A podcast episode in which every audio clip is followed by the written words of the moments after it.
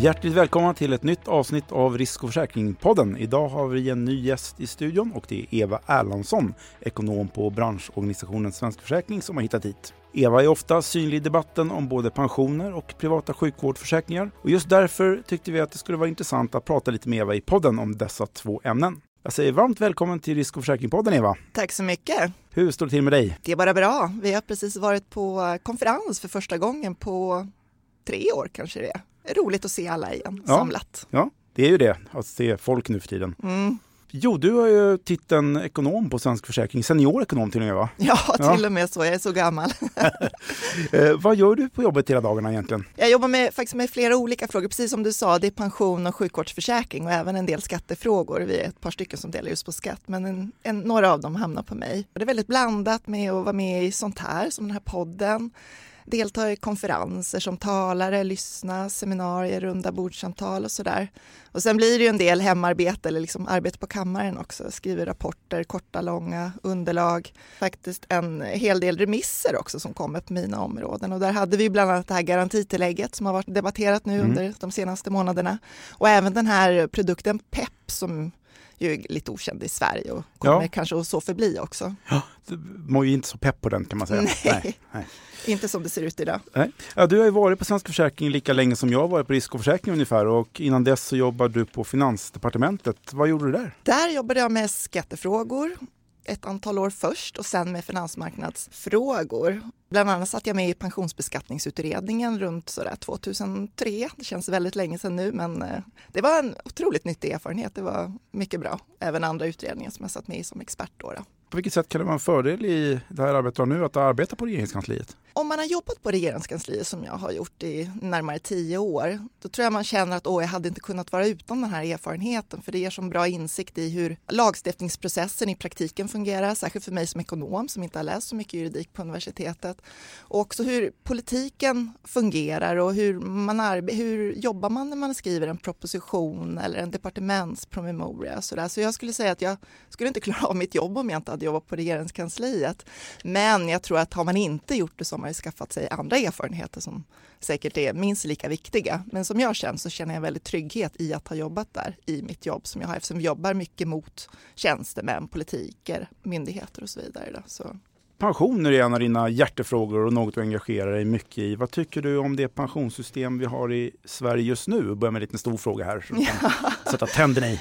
Ja, var ska vi börja? Jag tycker faktiskt i grunden så har vi ett fantastiskt pensionssystem i Sverige, allmänt pensionssystem och med de här komplementen och tjänstepension och vi önskar att det fanns ett privat pensionssparande på toppen där också. Det gäller särskilt det här att det handlar om en bred partipolitisk överenskommelse, att de största partierna är med i den här överenskommelsen. Så det är ett politiskt stabilt system. Och det här garanterar ju också att det är finansiellt stabilt för att de partier som är med i pensionsgruppen då har ställt sig bakom principerna i pensionsöverenskommelsen. Och jag tror kanske att man glömmer bort värdet av det här i Sverige för att politiken och vi som jobbar med det här, vi tar det lite för givet att vi har ett stabilt eh, pensionssystem och att det är liksom riggat på ett rimligt sätt och sådär. Att det, att, kanske att vi tar det för givet och att vi tappar bort det lite grann med det, det som har varit nu de senaste åren med över, liksom, idéer utanför pensionsgruppen. Då. Men var du mindre nöjd med? Du verkar väldigt nöjd, låter som. Ja, jag är nöjd med det i grunden, men sen de senare åren så har vi haft, det har varit en hel del trassel, eller jag ska inte säga trassel, det beror på vem man frågar, men oenighet i pensionsgruppen kring vad som ska göras. Vi fick en höjning av garantipensionen för några år sedan och det var väl behövligt tillskott för dem med de allra lägsta pensionerna. Men sen har det varit mycket, varit mycket debatt kring inkomstpensionstillägget som lite grann kom in från sidan in i pensionsgruppen och där ska man väl säga att trots allt så godtog ju pensionsgruppen det förslaget och det röstades igenom i riksdagen sen. Men sen har vi det här garantitillägget som kom vid sidan av och hamnade i statsbudgeten som inte alls föredrogs i pensionssystemet. Samtidigt som det berör en miljon pensionärer i Sverige och Mm. på så sätt någon mening förstör de principer som ligger i pensionssystemet som ju är bra i grunden. Men då ska man följa de principerna också. Vad anser du om pensionsgruppens roll och framtid? Den är enormt viktig. Jag verkligen hyllar den politiska stabiliteten för jag pratar med branschkollegor i andra länder och där är det så som det börjar har varit lite grann nu i Sverige och som jag är rädd att det kommer att bli, att det är en polit het politisk fråga inför valet och det är så lätt som politiker att lova runt.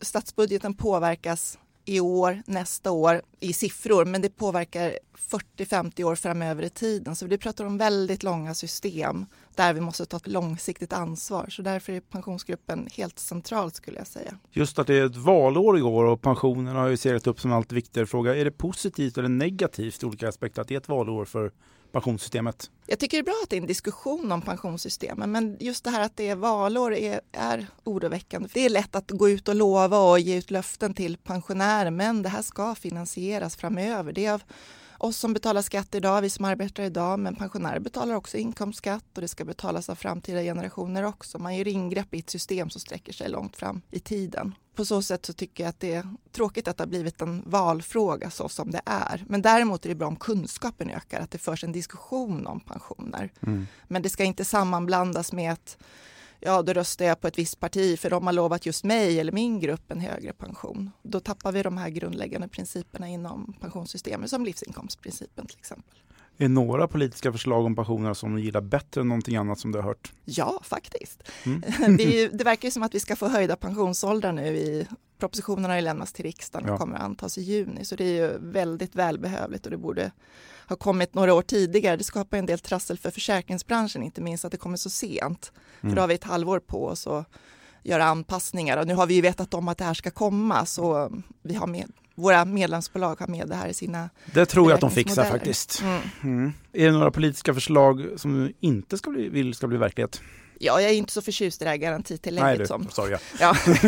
Vad kan försäkrings och pensionsbranschen göra för att få svenskar att förstå hur viktigt det är att spara till sin pension och hur mycket de kommer att få ut? Är det tillräckligt med min pension eller behövs det något mer? Jag tror min pension är på sätt och vis tillräckligt, men kunskapen om att den finns behöver komma till. Och sen så vet jag att min pension är ute på arbetsplatser och berättar om det och visar och sådär. Och ibland tror jag att även det behövs. Det räcker inte med att sitta själv och gå in på min pensionssida och förstå systemet du kan behöva någon som förklarar det för dig. Ändå är ju hemsidan väldigt pedagogisk men vissa kan behöva guidning ändå och jag tror liksom det är vår bästa kanal från branschen och även från myndighetshåll då att informera om pensioner till gemene man. Känner ni något ansvar som branschorganisation att ni kan göra mer? Det är inte vår roll eftersom vi är en medlemsorganisation utan vi verkar genom Min pension och vi har också Konsumenternas försäkringsbyrå och sen så har vi våra försäkringsbolag, medlemsbolagen som informerar sina kunder om pensionen. Så det är de kanalerna ut till konsument eller till allmänheten. Sverige är ju ett av de få länder i världen där det saknas en subvention av långsiktigt privat pensionssparande som det fanns före år 2016. Hur pass viktigt är det att det privata pensionssparandet subventioneras på något sätt och hur troligt är det att att det kommer att bli verklighet inom en snar framtid? Det framförs ju ofta från politiken att man kan spara i investeringssparkonto lika gärna eller i en kapitalförsäkring. Sen kan man också amortera på sin bostad eller spara på ett bankkonto. Men problemet med de här formerna är att det är inte pensionssparande för det är inte inlåst till den dag du går i pension. Så det är lätt att man nallar av det här kapitalet i förväg till ja, det kan vara att diskmaskinen går sönder, att man vill åka på en resa eller, eller Porsche. Eller, annat. eller en Porsche då om man har, har sparat ihop lite mer. Det är också så att det blir lätt en höginkomsttagarvinkling på det här från politiken. Tycker att man, ja, men det här är någonting som gynnar höginkomsttagare som kan spara mycket. Men då får man ju liksom ha med sig att ja, men höginkomsttagare sparar redan idag genom investeringssparkonto. En hel del höginkomsttagare löneväxlar, inte alla men många och det växer. Medan de som allra mest behöver en subvention, någonting som liksom öppnar upp ögonen för den här sparformen, det är snarare de med lite lägre inkomster och medelinkomsttagare. Det är de som framförallt behöver en subvention för att börja spara. Sen kan man ju liksom anpassa subventioner så att det ger större draghjälp till de med lite lägre pensioner genom att ha ett lägre inkomster, genom att ha ett tak på hur mycket du får subvention för eller avdrag för. Och vi har ju ett förslag från branschen då som kallas för matchning kring privat Just det, det har ni pratat en hel del om. Mm. mm. Vill du berätta lite mer om det? Det är ingen ny idé som Nej, vi det vet jag, på. men alla så, kanske inte har nej. lika påläst som jag. Nej, precis. Jag önskar att vi hade varit så kreativa att vi hade hittat på det här helt själva. Nej, det innebär helt enkelt att de, istället för att man gör någonting på skattesidan som avdragsrätten är, så gör man någonting på utgiftssidan i statsbudgeten. Så det är liksom, man blandar inte in inkomstskatter och så vidare, om du får högre eller lägre skatt när du går i pensionen, när du gör det här sparandet och så, utan om jag spar 500 kronor i månaden till mitt privata pensionskonto så skjuter staten till låt säga 100 kronor, 20 procent för att liksom stimulera och ge liksom en uppmärksamhet kring det här sparandet. Så sparandet växer ännu snabbare än bara det jag sätter in så att säga. Och vi har ju räknat på det här förstås vad det ska kosta och då tittar vi på hur många sparade 2014. Det var det sista året man kunde spara, dra av 12 000 kronor i det systemet med avdragsrätt. Så säg att det är lika många som sparar då med samma typer av inkomster. Då landar det på 2,3 miljarder kronor för en sån här subvention. Då. Det var bra räknat.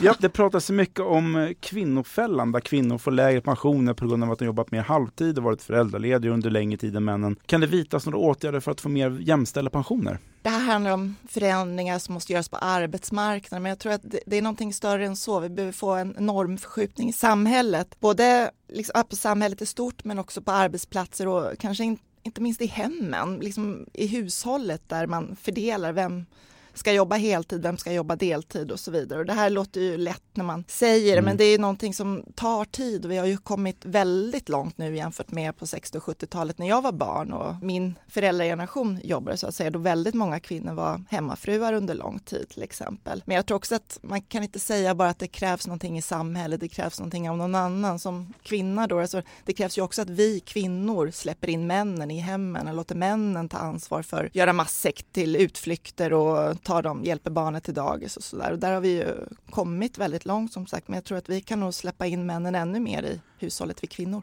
Jag är väldigt insläppt själv i alla fall, så det är jag glad över. och jag drog in min man också. ja, det är bra. Ja, det var ganska lätt. Ja, vi tar och byter ämne lite grann. Eh, privata sjukvårdsförsäkringar jag tänkte också passa på att prata med dig om. Det har gjorts en hel del utredningar om de privata sjukvårdsförsäkringarna där du har förekommit i expertgruppen också. Hur har det gått att vara objektiv som representant för eh, försäkringsbranschen när du suttit med i expertgruppen? Jag tycker att det i någon mening är ganska lätt. Jag sitter med där som expert på ett område. Alla experter i utredningen är, är där för att de har en kunskap som behövs i utredningens arbete och min roll har varit att beskriva hur sjukvårdsförsäkringen fungerar och att bistå med den statistik som vi samlar in från våra medlemsbolag. Så kanske för att jag var tjänsteman själv inom regeringskansliet så tycker inte jag att, den här, att det är någon gränsdragning på något sätt utan jag bistår med den kunskap jag har och det gäller ju de andra experterna också. Så om det är någon som har en annan uppfattning än, eller tycker att det är jag liksom, det material jag lämnar ut att det är fel på något sätt, då är det upp till dem att också säga att nej, men jag har hört någonting annat på annat håll, att det är si och så istället. Så just den här objektiviteten tycker jag själv är lätt som i en expertroll. Enligt din subjektiva bedömning? Ja, det, det, det, är ju inte en ideologisk nej, utredning, det är nej. en saklig utredning. Liksom, och då... Ja, till viss del kanske är lite ideologiskt inblandat ändå, måste ja, man ju säga. Det, det finns ju de undertonerna. Ja. Mm. Hur ser du då på att utredningsdirektiven, de har varit rätt styrda mot att stoppa privata vårdgivare från att samtidigt ta emot privat och offentligt finansierade patienter till exempel? Ja, det är den där ideologiska vinklingen där kommer jag, som kommer in.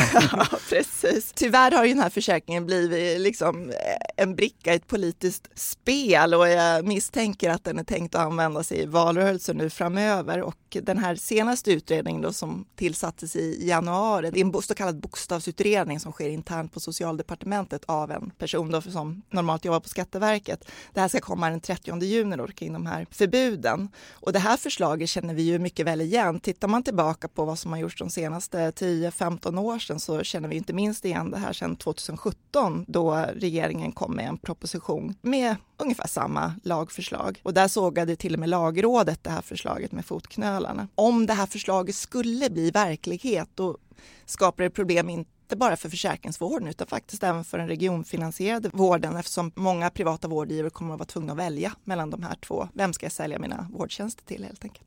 Vad tror du om de privata sjukvårdsförsäkringarnas framtid? Jag tror att de kommer att fortsätta växa nu har de vuxit med ungefär 2% per år de sista åren och det finns en liksom stabil efterfrågan på den här försäkringen. Det som skulle kunna stoppa dem är om köerna i den offentliga vården försvinner att vi får snabbare väntetider än 90 dagar. Det vore inte heller helt fel visserligen. Nej, det Nej. tycker jag själv också, att man vill få ut det mesta möjliga av mm. sina skattepengar. Ja. Anser du att Svenska Försäkringar lyckas nå fram med hur privata sjukvårdsförsäkringar kan bidra till en bättre vård och kortare vårdköer? Med tanke på att det finns en efterfrågan framförallt hos arbetsgivare så når ju våra medlemsbolag ut med försäkring och vad det innebär för arbetsgivarna i arbetet. Sen önskar ju vi att det fanns ett större intresse från politiken att mer diskutera hur skulle privata sjukvårdsförsäkringar kunna bidra i samhället snarare än att se dem som ett hot och ett problem hela tiden. Vi skulle gärna sitta ner med politiker från olika politiska färger och diskutera kan privat sjukvårdsförsäkring spela en roll i den samlade vården i Sverige och i så fall på vilket sätt så att vi, liksom, vi skulle gärna vilja hjälpa till. Det finns ju en hel del inom sjukvårdsförsäkringen som det offentliga kan dra nytta av, inte minst vad gäller digitalisering och innovationer. Mm. Hur får man till ett sådant samtal då? Vi har försökt. Nu har det drunknat i de här utredningarna som varit på senare år, men förhoppningsvis så får vi politikerna att lyssna på oss och ta upp de frågeställningarna istället för att prata om förbud. Då får vi önska lycka till med det. Tack så mycket. Eh, då säger jag tack till dig för att du vill vara med i Risk och försäkringspodden. Tack så mycket. Det var allt för idag. Tack för att ni lyssnade. Podden är tillbaka snart igen med en ny spännande gäst senare i april. Vi hörs då. Producent för Risk och försäkringspodden är som vanligt Julia Siverts.